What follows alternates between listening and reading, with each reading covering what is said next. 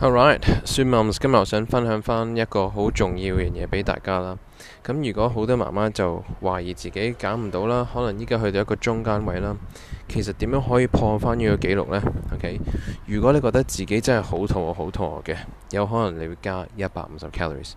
如果你而家自己系 s t c k 咗，亦都你做好多运动，但系都唔见效，我想你而家减一百五十 calories。OK，calories 出同 calories 入就系咁简单。喺我哋嘅 group。s e r m s 日如果你有睇翻 Mindset Coaching，記得點解咁重要？我哋要食翻澱粉質或者碳水化合物。